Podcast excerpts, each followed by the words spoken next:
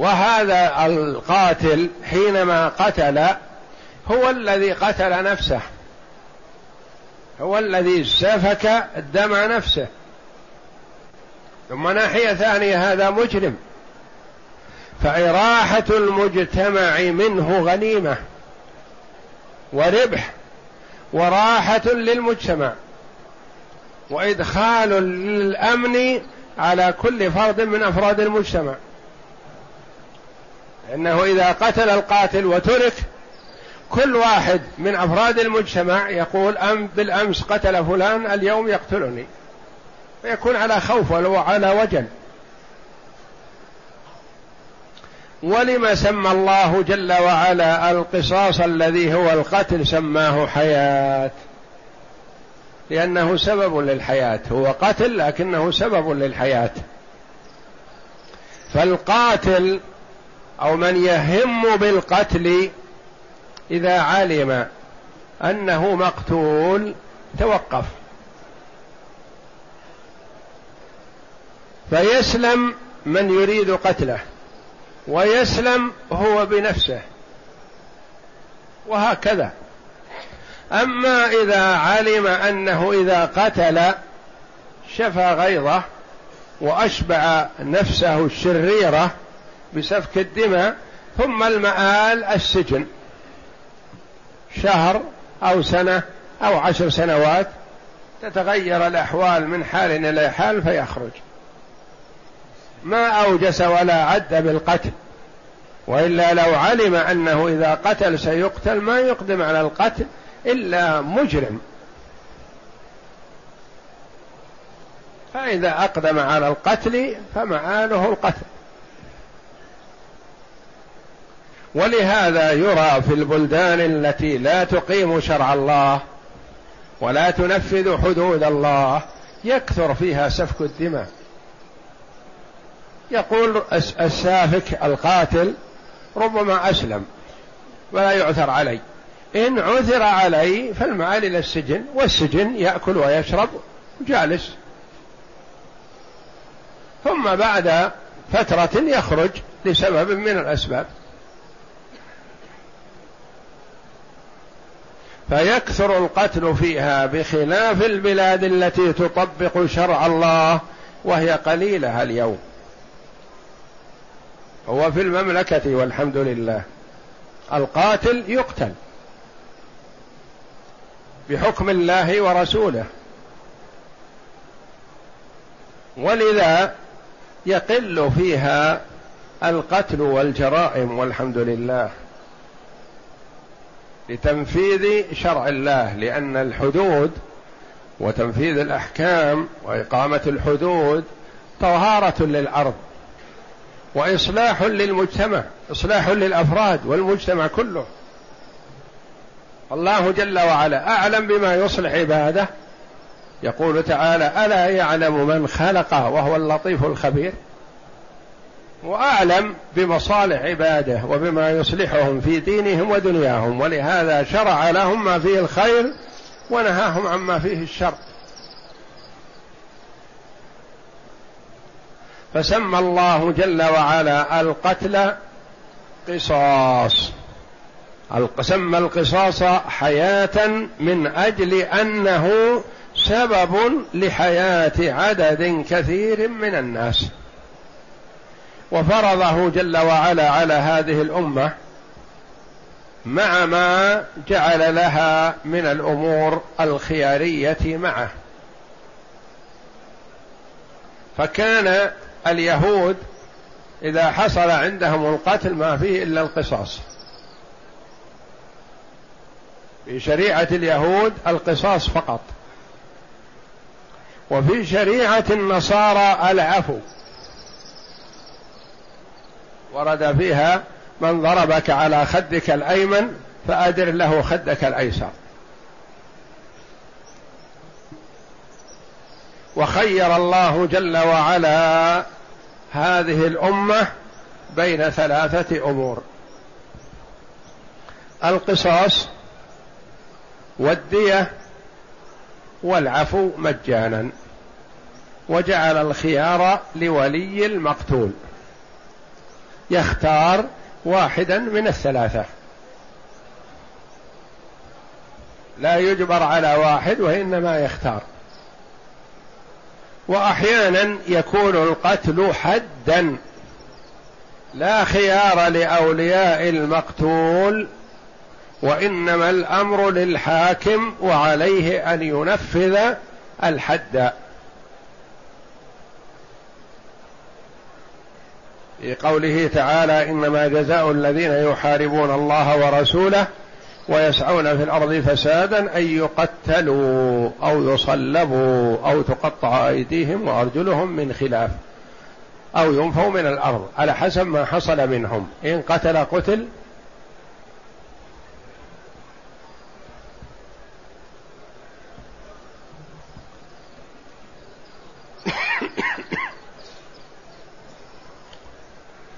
وهذا تفضيل من الله جل وعلا لشريعة محمد صلى الله عليه وسلم على جميع الشرائع.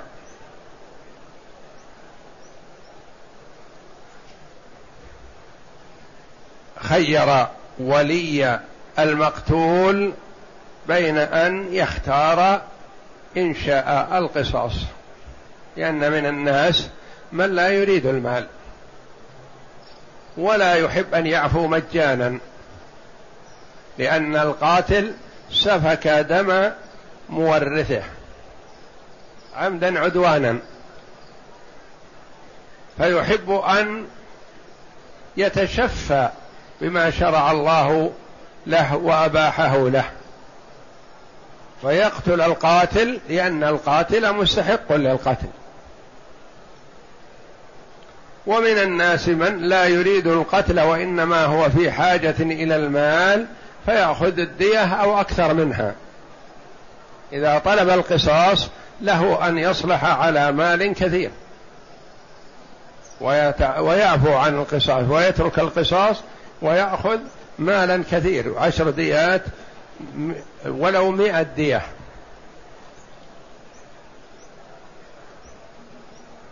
ومن الناس من يأمل ويريد ثواب الآخرة ثواب الله جل وعلا في الآخرة فيعفو مجانا.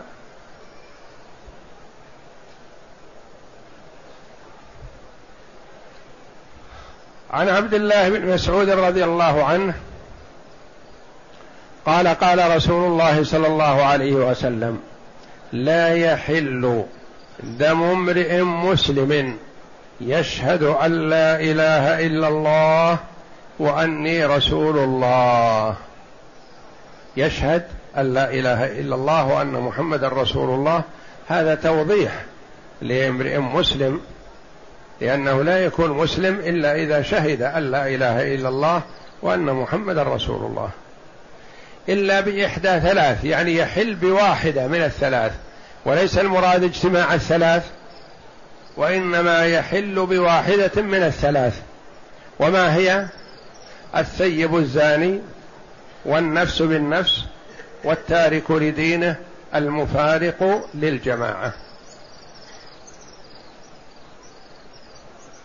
هذا له مفهوم وله منطوق.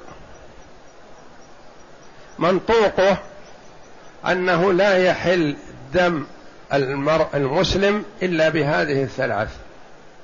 مفهومه أنه يحل دم المرء إذا وقع في واحدة من هذه الثلاث. ما هي هذه النفائس العظمى؟ أهم ما يحرص عليه الإنسان ويحافظ عليه. العرض والنفس والدين.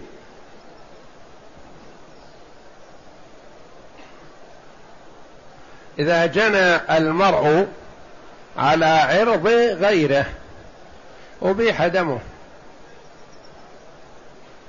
إذا جنى على نفس غيره أبيح دمه. إذا رغب عن الدين الإسلامي الذي هو الدين الحق وما سواه باطل بعد بعثة محمد صلى الله عليه وسلم. الأديان السماوية من الله جل وعلا. لكن ببعثة محمد صلى الله عليه وسلم نسخها الله. ولا يسوغ لأحد أن يدين بغير دين الإسلام. لأن الله جل وعلا, يقول في كتابه ومن يبتغي غير الإسلام دينا فلن يقبل منه وهو في الآخرة من الخاسرين. ويقول صلى الله عليه وسلم والله لا يسمع بي يهودي ولا نصراني ثم لا يؤمن بي إلا كان من أهل النار.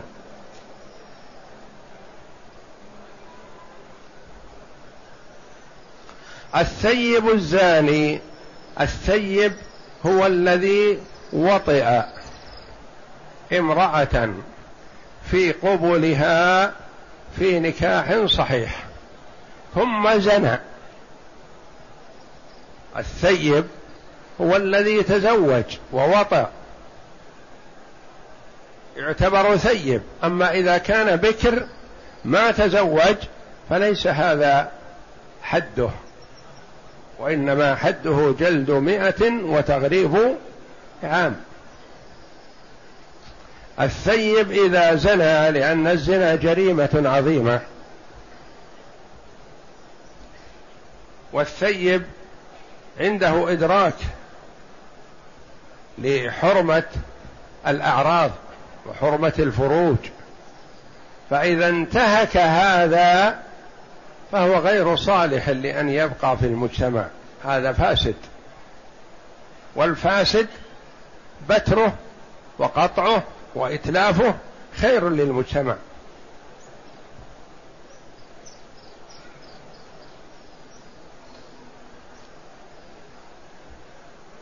ونضرب لهذا مثل شخص أصابه جرح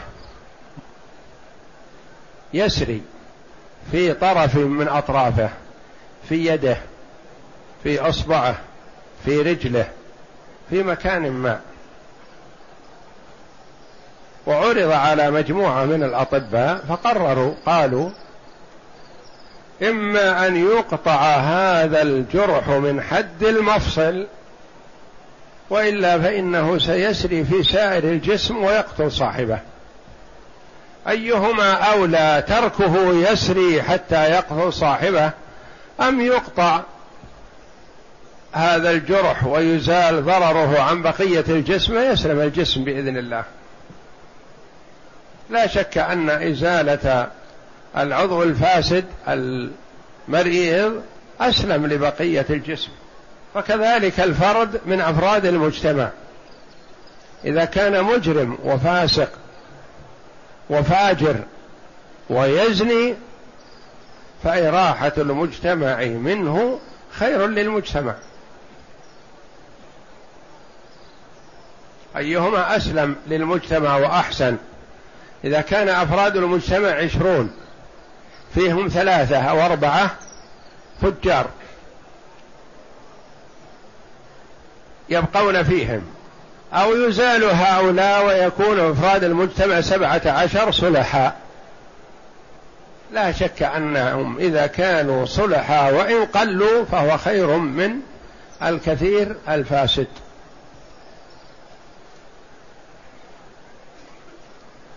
الثيب الزاني والثيب لعرف الحكم عرف الجريمة وشناعتها بخلاف البكر فهو لم يدرك. ولذا خفف الله عن البكر الحكم ولم يجعله مثل الثيب. ولا يعتبر ثيب إلا إذا كان وطئ في الفرج في القبل وطئا مباحا بزوجة متزوج زوجة فيكون ثيب. أما إذا زنى ثم زنى ثانية فلا يعتبر ثيب. ليس كل جماع يجعله ثيب. الثيب الزاني يعني إذا زنى وهو ثيب. يفرض أنه زنى وهو بكر وحبس ثم تزوج. فهل يعتبر ثيب؟ تزوج قبل أن يوصل إلى المحكمة ثم نقل للمحكمة. هو حينما زنى لم يكن متزوج وحينما قدم للقاضي كان متزوج. فهذا لا يعتبر ثيب في الحكم إلا بعد زواجه. وأما ما كان قبل زواجه فيعتبر بكرا ولا يقام عليه حد الثيب الثيب الزاني والنفس بالنفس يعني قتل النفس. ويؤخذ من هذا أنه يقتل الصغير بالكبير والكبير بالصغير ويقتل الرجل بالمرأة والمرأة بالرجل. وظاهر الآية يقتل الحر بالعبد والعبد بالحر لأن كلاهما نفس. النفس بالنفس. ما خصص منها بمخصصات أخرى. وهذا هو الشاهد من الحديث. النفس بالنفس. في موضوع الثيب الزاني هذا يأتي في الحدود. الثالث التارك لدينه المفارق للجماعة. التارك لدينه المرتد عن دين الإسلام. هذا يقتل. وهذا أشد اثما حاله من حال الكافر الأصلي. لأن الكافر الأصلي ما أدرك حلاوة الإيمان ولا عرف الإسلام. بخلاف من كان مسلم ومؤمن ثم ارتد فهذا لا يمهل ولا يترك. وإنما يستتاب فإن تاب وإلا قتل. التارك لدينه يعني ترك دين الإسلام. سواء اعتنق اليهودية أو النصرانية أو المجوسية أو البوذية أو أي دين أو لم يعتنق دينا أصلا.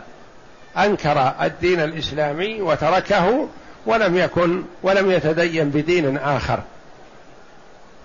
والتارك لدينه المفارق للجماعة. قال بعض العلماء رحمهم الله يؤخذ من هذا الحديث أن تارك الصلاة لا يقتل. نقول ولم يرحمكم الله؟ قالوا لأنه ليس من هذه الثلاث. يقول ما تقولون أيها العلماء الآخرون؟ قالوا نعم يقتل ويؤخذ من هذا الحديث.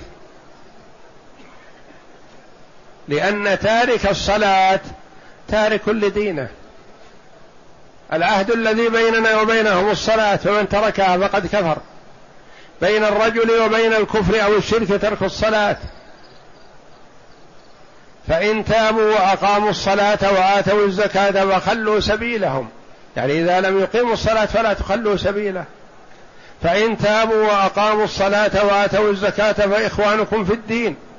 إذا لم يقم الصلاة فليس بأخ لنا في الدين. ومن هو ومن ذا يكون؟ يكون تاركا للدين. وقال ابن القيم رحمه الله هذا الحديث دليل لنا. نحن الذين نقول يقتل تارك الصلاة يستتاب فإن تاب ولا قتل. لأن رأس الأمر الإسلام وعموده الصلاة. الشيء إذا ذهب عموده ما بقي منه شيء. ويقول عليه الصلاة والسلام أول ما تفقدون من دينكم الأمانة وآخر ما تفقدون منه الصلاة. إذا فقدت الصلاة عند المرء ما بقي عنده شيء من الدين. إذا فهو مفارق للجماعة تارك لدينه. فهو فدليل قتل تارك الصلاة من هذا الحديث وغيره.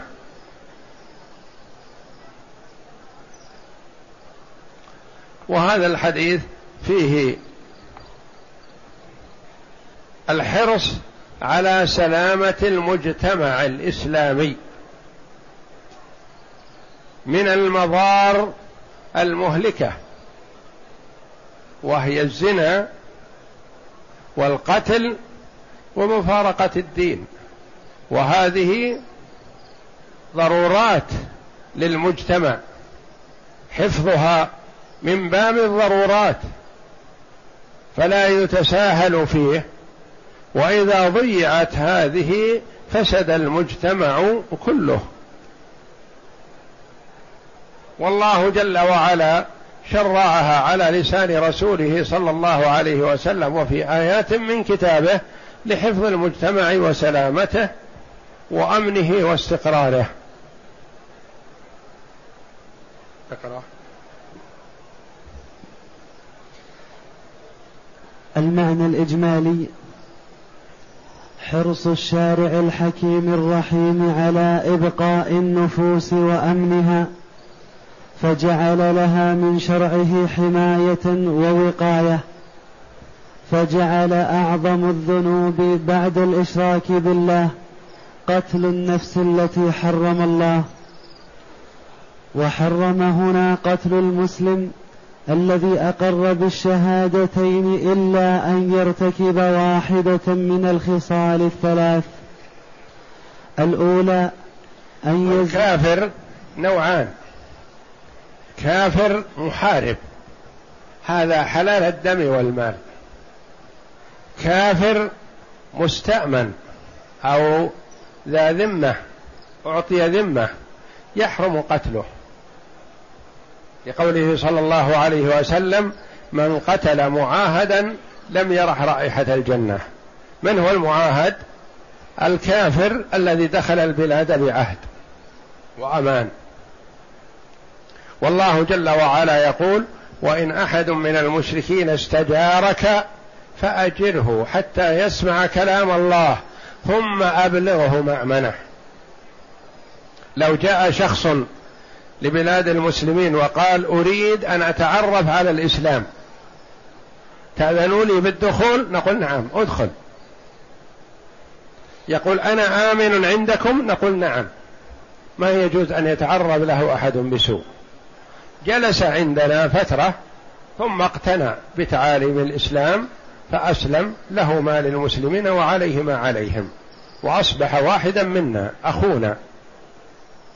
آخر جلس عندنا شهر أو أكثر أو أقل ثم قال أريد العودة إلى بلادي. ألا تسلم؟ يقول لا. هل نسلط عليه من يقتله لأنه رفض الإسلام؟ لا. هو دخل عندنا بأمان. هل نقول اذهب وشانك لا. ما نتركه حتى نوصله المكان الذي يامن فيه. نحميه حتى لا تمتد إليه أيد آثمة حتى يأمن في بلاده.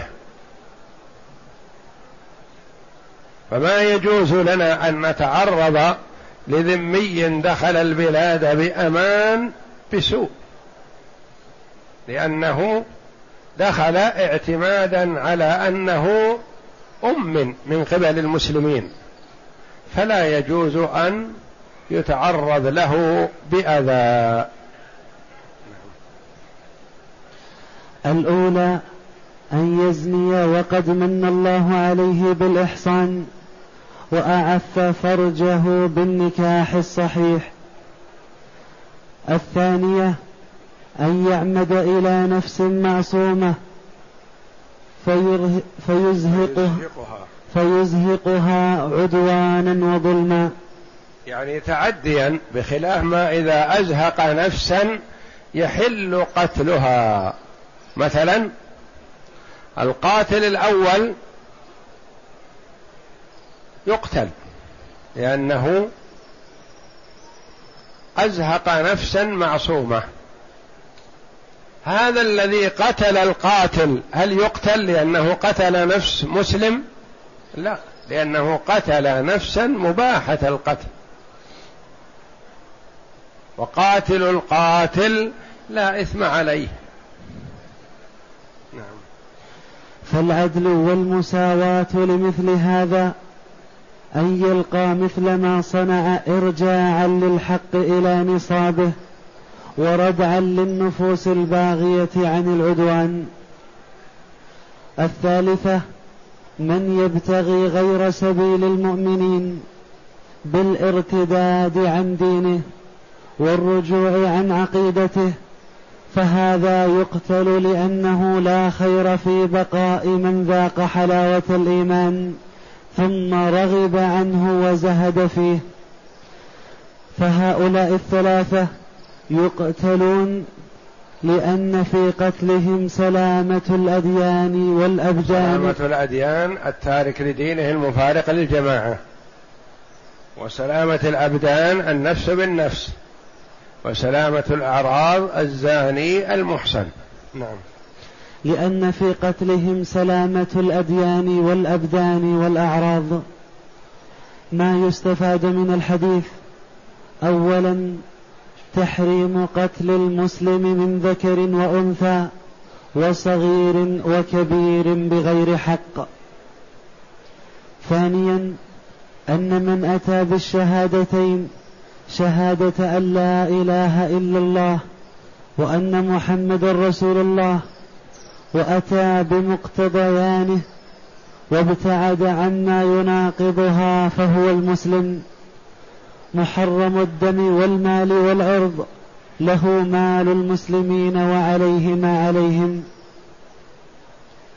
ثالثا تحريم فعل هذه الخصال الثلاثة أو بعضها وأن من فعل شيئا منها استحق عقوبة القتل إما كفرا أو حدا فدمه هدر.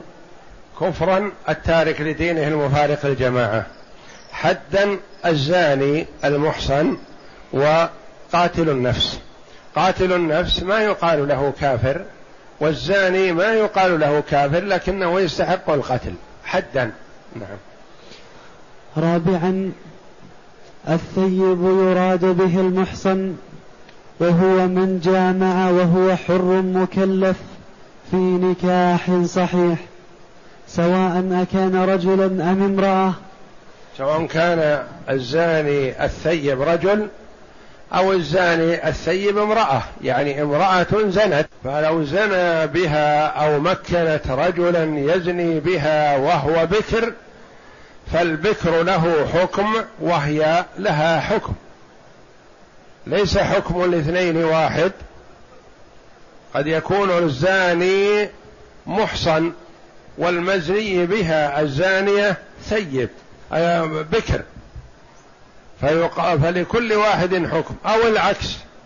الزاني بكر والمزني بها ثيب. فكل واحد يعطى حكمه الذي يناسبه. البكر جلد مئة وتغريب عام.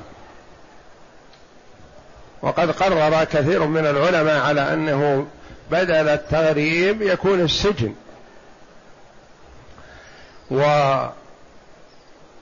والمحصن الثيب رجلا كان أو امراه الرجم بالحجارة حتى الموت. فإذا زنى فعقوبته الرجم بالحجارة حتى يموت. خامسا أن وثبوته بأحد أمرين. إما بإقرار أربع مرات وإما بشهود أربعة شهود يشهدون أنهم رأوا الذكر في الفرج كما يرى الميل في المكحلة والرشا في البئر يعني ما في مجال للشك أو ريب أو احتمال أو كذا لا بد أن يكون الشهادة على يقين حتى يستحق الرجل القتل أو أقر هو أربع مرات فإن أقر واحدة أو اثنتين أو ثلاث فلا تكفي لإقامة الحد عليه. وإن رجع عن إقراره قبل إقامة الحد عليه فلا يقام عليه الحد. وإن رجع حال إقامة الحد عليه فيكف عنه. كما قال النبي صلى الله عليه وسلم لما هرب ماعز الذي يراد إقامة حد الرجم عليه ضربه أحد الحاضرين بلحي جمل فسقط وتتابعت عليه الحجارة حتى مات. قال النبي صلى الله عليه وسلم هل لا تركتموه؟ لما هرب لعله أن يتوب فيتوب الله عليه. خامسا أن من قتل معصوما عمدا عدوانا فهو مستحق للقصاص بشروطه. عمد عدوان يعني متعمد قتله ما هو بخطأ لأن أنواع القتل ثلاثة. عمد عدوان وشبه عمد وخطأ. الخطأ ليس فيه قصاص لأن الرجل ما قصد كأن يرمي صيدا مثلا. فيصيب بهذه الرصاصة آدمي فيقتله. أو يرمي ذئب أو كلب. فيصيب بهذه الرصاصة إنسان. فلا يعتبر هذا قتل عمد وإنما هذا خطأ. كذلك الرجل يسير بسيارته ومعه ركاب. فانفقع الكفر مثلا أو انكسر شيء من آلة السيارة فانقلبت فمات معه شخص أو أشخاص فلا يعتبر هذا موجب للقصاص لأن هذا خطأ. ما قصد هو ذلك. أو هو يمشي في طريقه مثلا فخطم بين يديه شخص آخر فدهسه بالسيارة وهو ما قصد هذا. فهذا كله يعتبر من الخطأ فيه الدية. شبه العمد هو أن يضربه بشيء ما جرت العادة بالقتل به. يعني قصد ضربه. لكنه ما قصد قتله. وما ظن أن هذه الضربة تسبب له القتل تسبب له الموت. فهذا يعتبر شبه عمد ليس فيه قصاص وإنما فيه الدية مغلظة. والعمد العدوان هو الذي قصد قتله بما يقتل غالبا.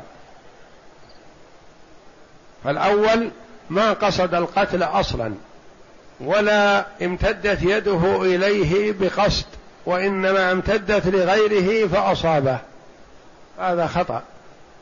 ضربه بعصا أو حصاة صغيرة ما جرت العادة أنها تقتل. فأصابت مقتلا منه فمات بهذه الضربة. هذا يعتبر شبه خطأ ويعبر عنه بشبه العمد. يعني ليس بعمد ولا خطأ. يعني هو قصد الضرب لكن ما قصد القتل. فهذا فيه الدية مغلظة ولا قصاص. إذا قصد قتله عمدا عدوانا فهذا فيه الخيار لأولياء المقتول بين القصاص أو الدية أو العفو مجانا. سادسا أن المرتد عن الإسلام يقتل لأن ردته دليل على خبث طويته.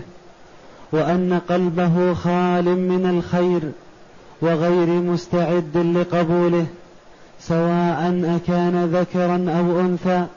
لأن الدين الإسلامي هو الدين الحق. فإذا كان الرجل مسلم ومن الله عليه بالتوفيق والهداية للإسلام ثم ترك الحق وذهب إلى الباطل فهذا لا خير فيه ولا يصلح بقاؤه في المجتمع وبقاؤه شر. فيراح المجتمع من شره بقتله. يستتاب فإن تاب ورجع وإلا يقتل. فإن كفره أعظم من الكفر الأصلي. سابعا استدل بهذا الحديث على أن تارك الصلاة لا يقتل بتركها لكونه ليس من الأمور الثلاثة. ليس من الزنا ولا من قتل النفس ولا من ترك الدين. والواقع والحقيقة أنه من ترك الدين لأن من ترك الصلاة ترك الدين. نعم. أما ابن القيم رحمه الله فقد قال في كتاب الصلاة وأما حديث ابن مسعود الذي هو هذا الحديث. نعم. ولا يحل دم امرئ مسلم إلا بإحدى ثلاث. فهو حجة لنا في يعني قتل. دليل لنا الذين يقولون بقتل تارك الصلاة. دليل لنا. ما هو ما هو علينا. نعم. فهو حجة لنا في قتل تارك الصلاة. فإنه جعل منهم التارك لدينه والصلاة ركن الدين الأعظم.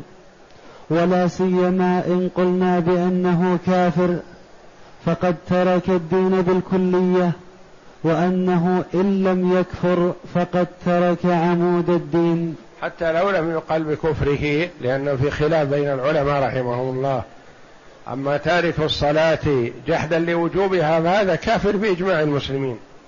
إذا ترك الصلاة تهاونا وكسلا وإن اعترف بوجوبها فهذا محل خلاف بين المسلمين رحمهم الله. يقول بعض العلماء تارك الصلاة هذا يستتاب فإن تاب وإلا قتل حدا لا كفرا وبعضهم يقول تارك الصلاة يستتاب فإن تاب وإلا قتل كفرا ردة عن الإسلام.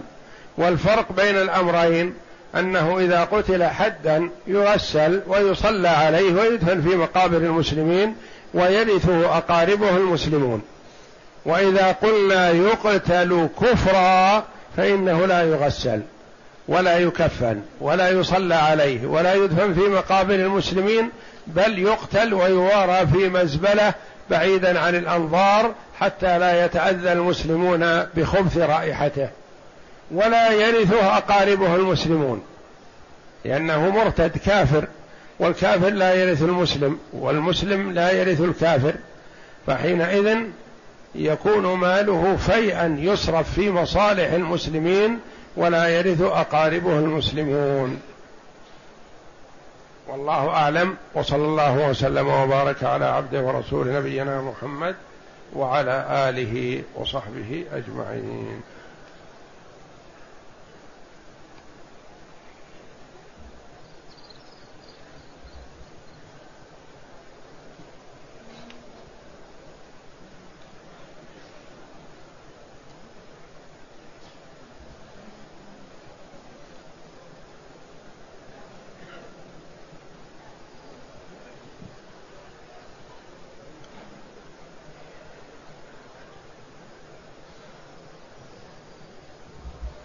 يقول السائل أنا معتمر وسعيت خمسة أشواط بدون قصد. الأولى للإنسان قبل أن يقدم على العبادة أن يسأل يتأكد ما الذي يجب عليه وماذا ينبغي له أن يفعل. وأما هذا الذي سعى سعى خمسة عشر شوطا فقد أخطأ لكن سعيه صحيح. المعتبر له سبعة أشواط والباقي زيادة. ما يؤجر عليها بل هي من نوع العبث والذي ينبغي للمسلم أن يتفقه في العبادة قبل أن يقدم عليها.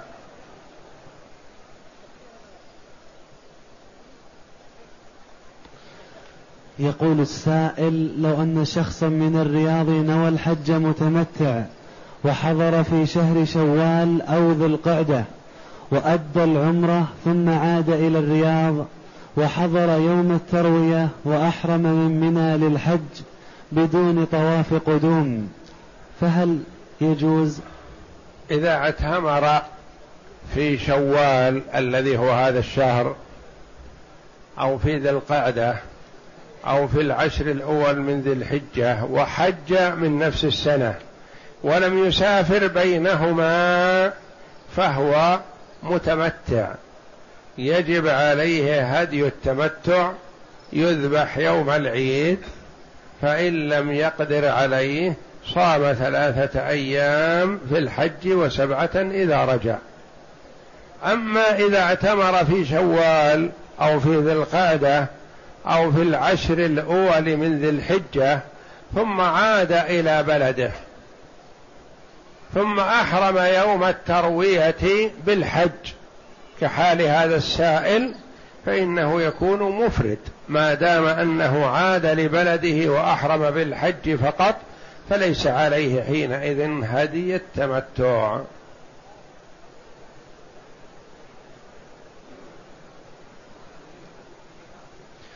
يقول السائل بعد أدائي للعمرة تحدد سفري في الصباح فطفت طواف الوداع بعد صلاة الفجر ولكن تأجل السفر إلى المساء فهل أطوف مرة أخرى؟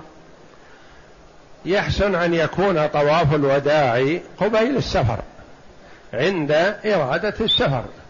فإذا تقدم كثيرا فتحسن إعادته. وللعلماء رحمهم الله في وجوب طواف الوداع للعمرة قولان والآن وقد آه، خف الزحام والحمد لله فيحسن للمرء إذا طاف للوداع بعد صلاة الفجر وبقي إلى صلاة العشاء أن يعيد طواف الوداع يودع مرة أخرى.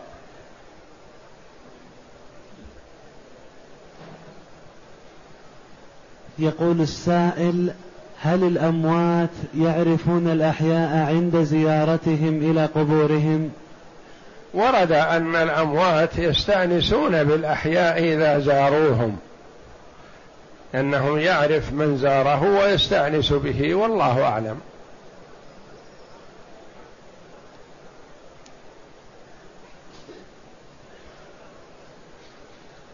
يقول السائل هل يجوز أن أؤدي الحج أو العمرة؟ عن من مات ولكنه ليس من أهلي بل هو من مشائخي. الظاهر والله أعلم الجواز لأن أصل الفعل جائز للقريب والبعيد معناه أنك إذا اعتمرت عمن أحببته في الله أو أحسن إليك أو أسأت إليه وأردت أن تكفر عن إساءتك فيجوز ذلك. والنبي صلى الله عليه وسلم سمع رجلا يقول لبيك عن شبرمة قال من شبرمة؟ قال أخ لي. فيحتمل أنه أخ له في الإسلام وليس باخيه في النسب. فقال عليه الصلاة والسلام هل حجدت عن نفسك؟ قال لا. قال حج عن نفسك اولا ثم حج عن شبرمة.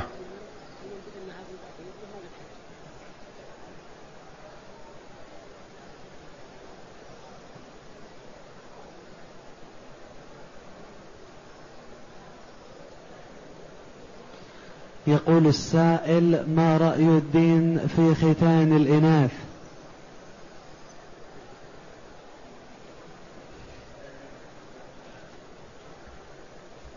ختان الإناث النساء قال عنه بعض العلماء مكرمة. يعني ما يقال واجب ولا مستحب وإنما هو جائز ولأنه يخفف الشهوة عند المرأة فيكون أسون لها. فلذا ما يؤمر به ولا ينهى عنه.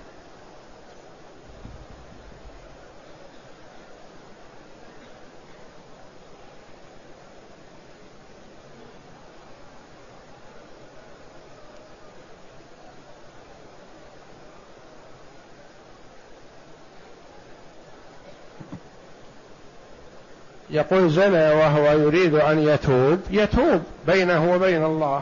والله جل وعلا يتوب على من تاب.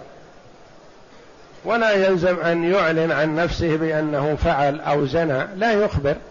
يستتر بستر الله الذي ستر عليه فلا يخبر بهذا أحد ويتوب إلى الله.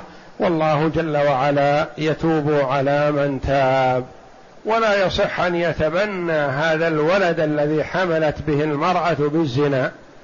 لا يتبناه وليس ابنا له لقوله صلى الله عليه وسلم الولد للفراش يعني إذا كان المرأة فراشا لزوج أو أمة لسيد فالولد للفراش وللعاهر الذي هو الزاري الحجر فلا ينسب الولد إليه.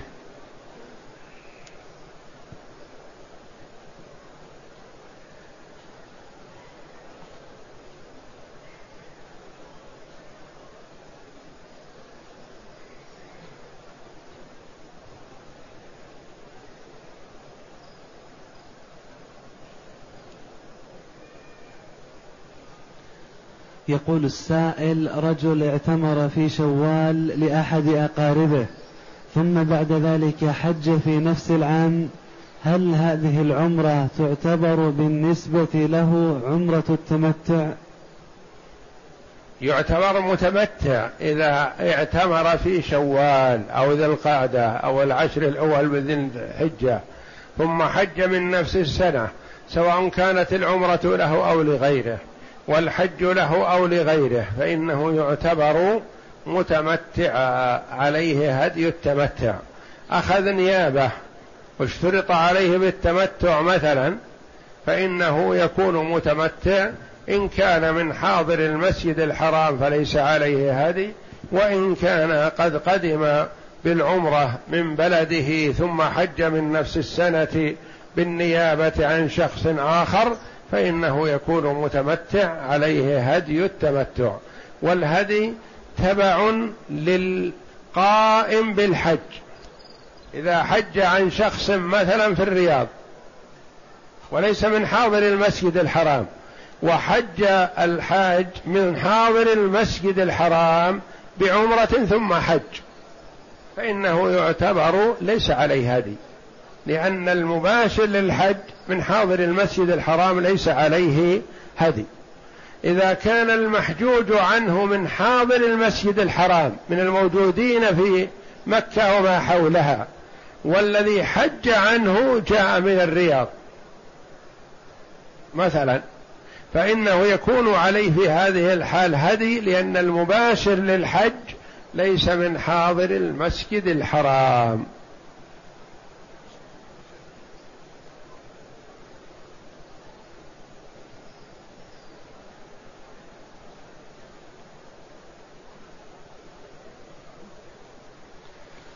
يقول السائل شاب نزل منه المني جهلا في شهر رمضان وكان عمره خمسة عشر سنة فماذا عليه أن يفعل؟ إذا كان حصل منه الإنزال هذا بمعالجة باستمناء فإنه يكون قد فسد صومه وعليه قضاء ذلك اليوم وعليه التوبة عما فعل. ولا يوجب هذا كفارة ولا حد وإنما عليه التوبة والله جل وعلا يتوب على من تاب. وأما إذا كان نزل منه المني وهو نائم أو بدون معالجة بمجرد تفكير أو نظر أو نحو ذلك فإن هذا لا يفسد صومه.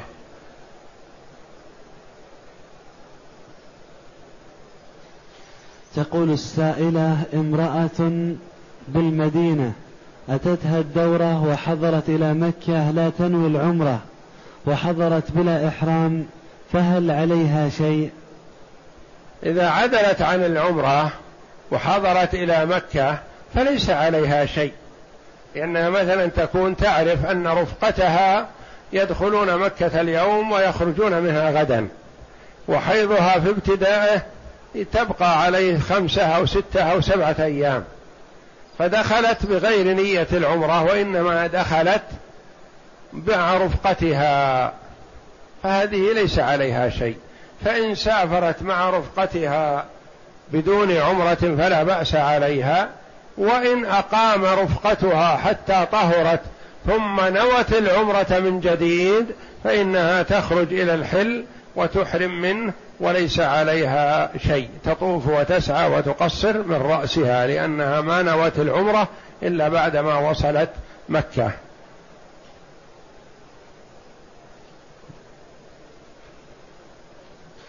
تقول السائلة هل للمرأة أن تغسل زوجها بعد وفاته؟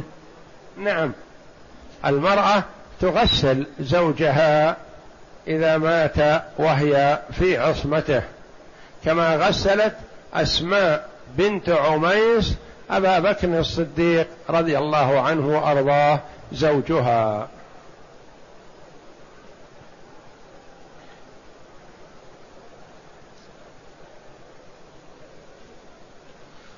يقول السائل أريد أن أعتمر لشخص حي علما بأنه لم يحج قبل.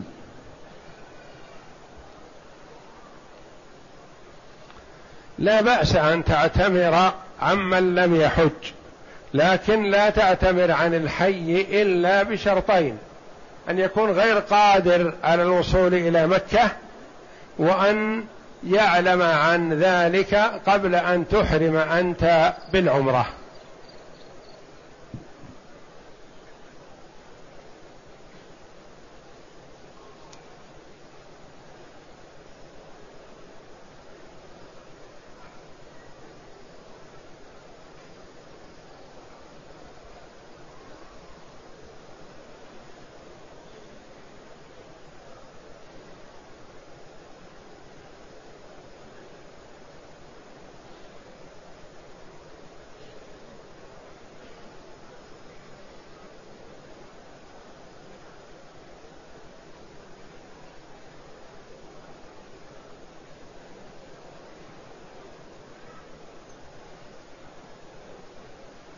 يقول إن أخته كانت تلتقي بعد العقد بخطيبها في البيت فحملت ولكن بدون فضل البكارة فالبكارة كانت بحالها.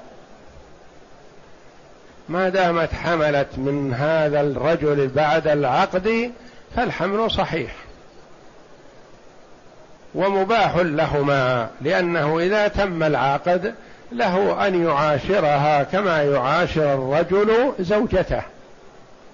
وسواء مثلا حصل إيلاج وحملت أو حملت بدون حصول إيلاج والبكارة بحالها كما آه وجد في الصدر الأول حمل بدون فض البكارة نظرا لكونها آه استجمرت بمني رجل فحملت منه بالرائحة.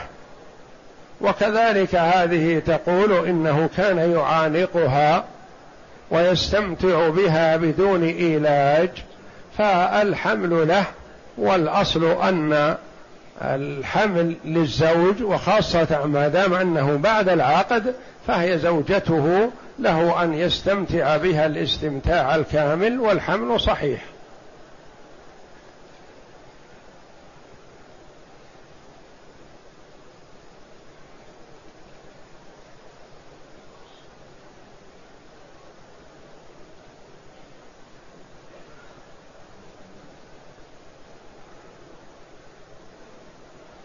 ما حكم ظهور المرأة بدرع وخمار أمام أخ زوجها؟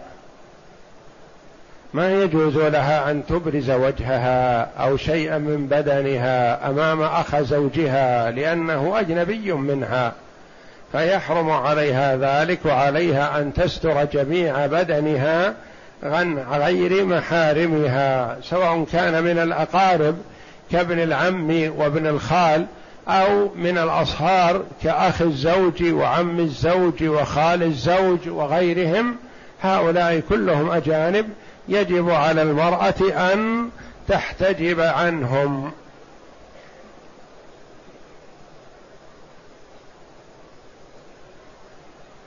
ما حكم من لم يصم رمضان ولا يصلي تكاسلا وليس انكارا؟ هذا يستتاب فإن تاب وإلا قتل. والله أعلم. وصلى الله وسلم وبارك على عبده ورسول نبينا محمد وعلى آله وصحبه أجمعين.